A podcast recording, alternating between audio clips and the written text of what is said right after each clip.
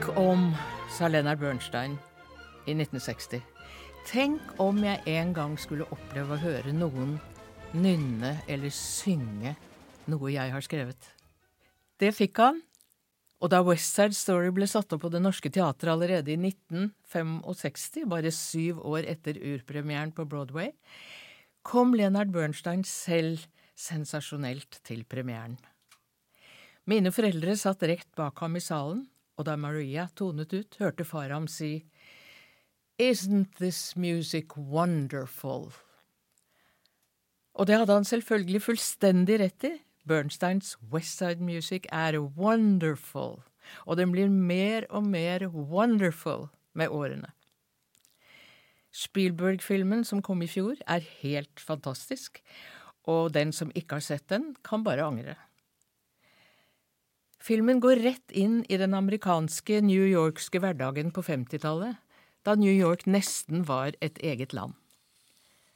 Den er spilt inn i en digitalisert versjon av området der Lincoln Center ble reist, og den har en åndeløs nerve og intensitet som nettopp er New York. Og man kan vel si at Bernsteins musikk preget byen i omtrent like stor grad som den preget ham. I 1943, da han 25 år gammel ble ansatt som dirigentassistent i New York Philharmonic, kunne neppe noen andre enn eventuelt ham selv ha forutsett hvor skjellsettende det skulle bli for amerikansk tonespråk og internasjonalt musikkliv. Hans uh, Philharmonic-æra frem til 1969 frembrakte for eksempel en universell anerkjennelse for amerikanske komponister. Bernstein skapte også en malerkult, provoserte frem diskusjoner og oppmerksomhet, og via det nye fjernsynsmediet utdannet han et massepublikum i hvordan musikk egentlig fungerer. Med sin lekende sjarm fikk han det til å virke morsomt for åtteåringer på lørdagsmorgenen. Det som drev ham, var musikk, karriere, politikk og sex, det sistnevnte en nesten konstant tilstedeværelse. Han fikk lett venner og holdt fast på dem hele livet. Hans sirkel omfattet alle mulige kjente personer. Betty Davies forgudet ham. Frank Sinatra var en fan. Louis Armstrong kalte ham daddy. Miles Davis genierklærte ham. Arthur Miller, gift med Marilyn Monroe, inviterte ham på overnatting, og Jacqueline Kennedy skrev et sekssiders brev til ham om din maler ved firetiden en morgen. Bernstein er den eneste klassiske komponisten som har oppnådd en slik grad av amerikansk berømmelse, og ingen har gjentatt bragden. Likevel følte Bernstein seg alltid utenfor. Hans dirigentmentorer, Fritz Reiner, Dmitrij Mitropolos, Serge Kosovitskij, forbandt ham med den gamle verden, med Wien. Men han var en amerikansk fornyer og nyskaper. Leonard Bernstein representerte en klassisk musikalsk opplysningstid for flere generasjoner amerikanere. Dirigent, pianist, en fantastisk musikkformidler på TV, han skrev bøker, holdt mesterklasser og ga foredrag.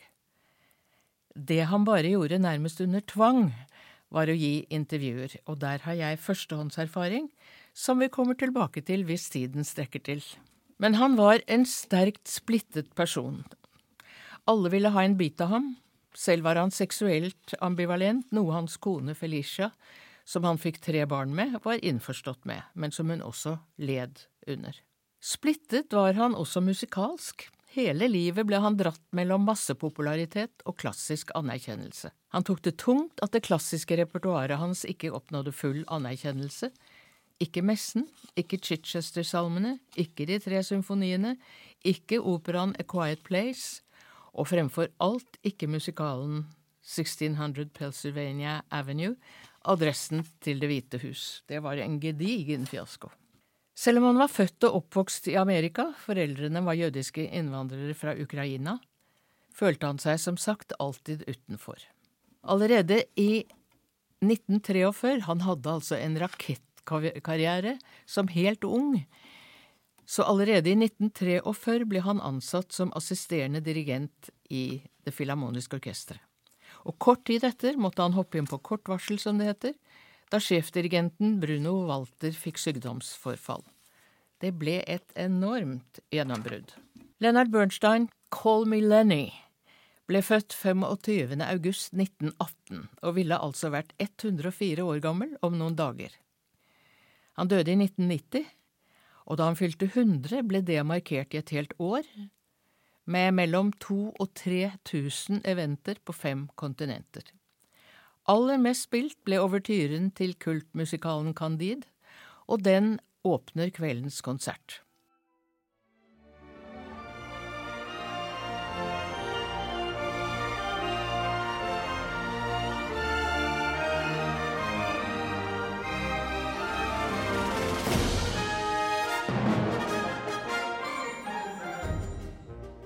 Candide var et svar på det Bernstein og mange kunstnere, politikere og intellektuelle med ham på den tiden oppfattet som en amerikansk inkvisisjon under senator McCarthy-tiden, da kommunistfrykten var på sitt høyeste, og i tillegg truet atomkrigen. Og vi skal ha i bakhodet at krigen var ikke slutt for amerikanerne, de gikk mer eller mindre rett videre til Koreakrigen. Candide slo ikke umiddelbart an, men ble gjennom tallrike universitetsoppsetninger, og den ble omskrevet og bearbeidet omtrent sammenhengende så lenge Bernstein levde. Nå lever den bedre enn noen gang, og langt utenfor akademiske kretser. Bakteppet for Candide var altså politisk, og til tross for stor popularitet fikk Leonard Bernstein tidlig i 50-årene FBI og Komiteen for uamerikansk virksomhet, HUAC, på nakken. Han ble aldri innkalt som vitne for denne beryktede komiteen, House Un-American Activities Committee. Men han kom på svarteliste i likhet med så mange andre kunstnere, og spesielt de i filmens verden. Bernstein hadde ikke avtjent verneplikt på grunn av astma, og han selv og mange i hans omgangskrets ble mistenkt for kommunistsympatier. Bernstein selv kom relativt helskinnet gjennom hekseprosessene, men da det skortet på dirigenttilbud og passet hans ble inndratt, valgte han musikkteater som uttrykksmiddel, og han arbeidet med Candide og West Side Story samtidig.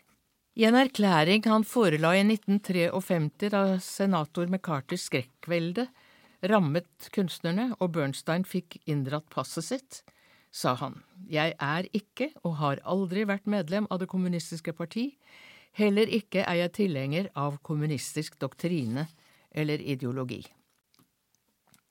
Han la til, tidligere har jeg uttalt meg mot begrensningene som er påtvunget skapende kunstnere, spesielt komponister, under sovjetregimet, og da har han nok hatt stakkars Sjostakovitsj i tankene. Candide bygger på Voltaires roman fra 1759, en satire over datidens tåpelige optimisme, i filosofen Leibniz' ånd. Alt er til det beste, enten det er pest, fattigdom, krig, naturkatastrofer eller personlig nedverdigelse. Ingenting av dette rokker ved overbevisningen om lykksalighet og optimisme. Alle rollene dør en forferdelig død, gjenoppstår og går en ny, grusom død i møte. Kvinnene holder til og med på å omkomme av kjedsomhet. Dr. Pangloss, Candides og Kunigondes lærer for syfilis og kaller det en kjærlighetsgave. Den gamle kvinnen må selge sin ene rumpeball for å overleve en hungersnød, osv., osv. Men glitter and be gay, samme hvor forferdelig det er, glitter and be gay. Det hele begynner i Vestfalia, si det på engelsk så blir det Westfailure, og handlingen er kaleidoskopisk og global. Musikken spenner over alle landegrenser og rytmer, fra madrigal til jazz, fra latinsk til skotsk, fra klesmer og klassiske til skeive harmonier, fra ompa til sødme på et øyeblikk.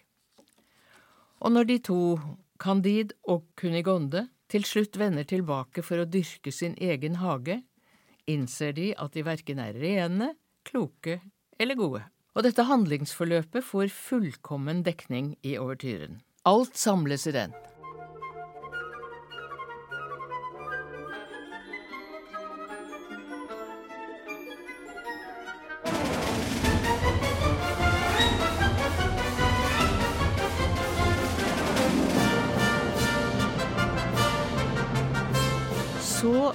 Kommer West Side Story. Og med den skapte Leonard Bernstein et helt nytt og eksplosivt tonespråk. Rått og urbant, med pulserende og sexy latinske rytmer og intenst jazzige motrytmer. Ingen hadde hørt sånn musikk før. Og West Side Story endret musikkteaterhistorien og mye av det vestlige lydbildet, slik Jerome Robins koreografi skapte et nytt dansespråk. Hans fysiske og atletiske uttrykk er knapt overgått i kombinasjonen av vill, underliggende frykt og forventning, vold og romantikk. Bernstein-familien kom fra Ukraina, og Lennys far gjorde godt med parykkmakeri og parfymeri.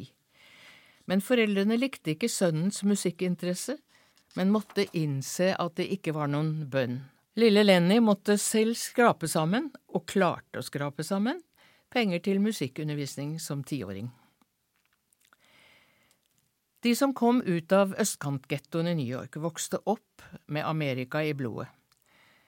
Det betød amerikanske rytmer og amerikansk tematikk. New York med alt sitt jag og mas og en rivende utvikling. Det betød svart musikk som jazz og blues og ragtime, alt det som blomstret i Harlem. Det betød sirener, og det betød denne dampen vi har sett på amerikanske filmer som kommer ut fra undergrunnen og det betød en ufattelig rik kulturell miks. Ut av dette kom uramerikanske melodier som Swanee og Tea for Two, White Christmas og Over There, sangen som fulgte amerikanske soldater i krigen. Men eh, West Side Story skulle altså komme til å forandre musikalen for all fremtid. Den eksplosive energien og de sære motrytmene, den underliggende, nervøse storbypulsen, tok pusten fra publikum den gang og gjør det i dag.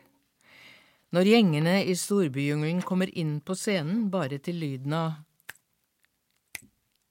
knipsende fingre, da reiser håret seg i mange nakker.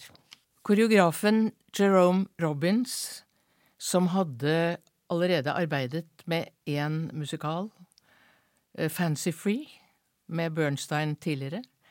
Han fikk ideen til en storbyversjon av Shakespeares Romeo og Julie i 1949, og opprinnelig bestemte han, tekstforfatteren Arthur Lawrence og komponisten, at handlingen skulle dreie seg om fiendskapet mellom katolske og jødiske ungdomsgrupper på Manhattans Lower East Side, og da de i 1955 begynte selve arbeidet, var gjengkrigene mellom innfødte hvite og innvandrede puertorikanere på Upper West Side et faktum, derav West Side Story.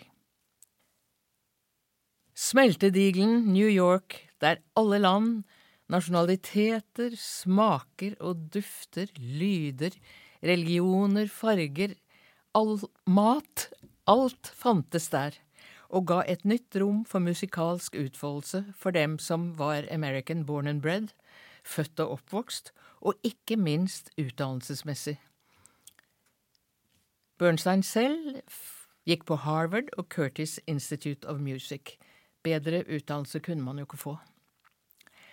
Hans første to musikaler, On the Town og Wonderful Town, er begge en feiring av denne byen som aldri sover.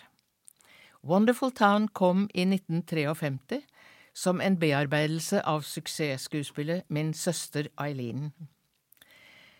To søstre fra Ohio kommer til New York for å søke lykken, skaffer seg en sliten leilighet i Greenwich Village, kunstnerkvarteret, men finner seg ikke helt til rette, i hvert fall ikke den ene søsteren, hun savner Ohio så forferdelig. Why, oh, why, oh, why, oh, did I leave Ohio? Hun prøver å selge artikler til en avis, men uten hell, inntil hun treffer på en haug amorøse brasilianske gaster som lærer henne conga, helt typisk for Bernstein og Robins måte å inkorporere nye rytmer på. Hun får både jobben og redaktøren attåt. Dette er i 40-årene, Happy End er et must, og det som i dag bærer disse musikalene, er musikken og dansen. Storyen er, som dere forstår, ikke fantastisk.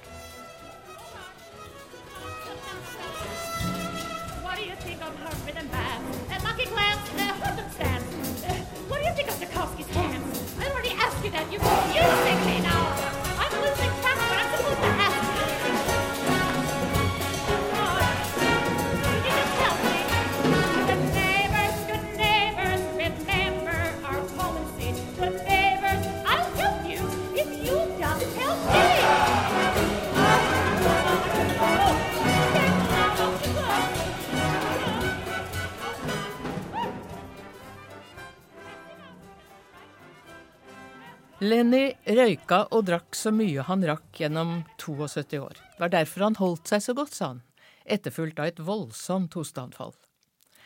Han røkte hver gang han gikk av scenen, der sto en assistent klar med en tent sigarett, så han fikk et par-tre dype drag mellom hver entré i applausen, og han var aldri langt unna et stort glass whisky. Og nå har vi kanskje litt tid til overs til mine personlige Bernstein-minner. I 1987 gjestet han Oslo konserthus med Konsertgebouw-orkest, og på forhånd ble jeg sendt av Aftenposten for å intervjue ham i Amsterdam. En dame fra Wien som i resepsjonen oppfattet mitt ærend, greide å utgi seg for meg, og plutselig ser jeg maestro Bernstein forlate i eh, svart cape med rødt silkefòr, en sigarett i munnviken, mens jeg vantro sto igjen i resepsjonen. Jeg løp etter i panikk, kastet meg i en taxi og ropte Follow that car! Det var også oppfyllelsen av en slags drøm. Ingen intervjuer, sier Bernstein i garderoben etter prøven i konserthuset. Jeg hadde greid å snakke meg inn i konsertgebau. Kom inn mens jeg tørker håret, da buldret han med røykestemmen sin. Jeg tror lettelsen dryppet av meg og jeg passet nøye på å ikke intervjue, men jeg fortalte at vi hadde møttes før, og at jeg da nesten hadde slått ut en fortann på ham. Anledningen var hans egen 70-årsdag.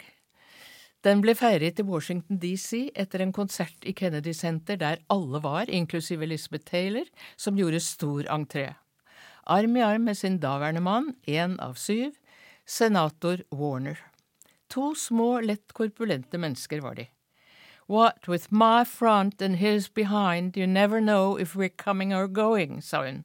Enda et uforglemmelig øyeblikk.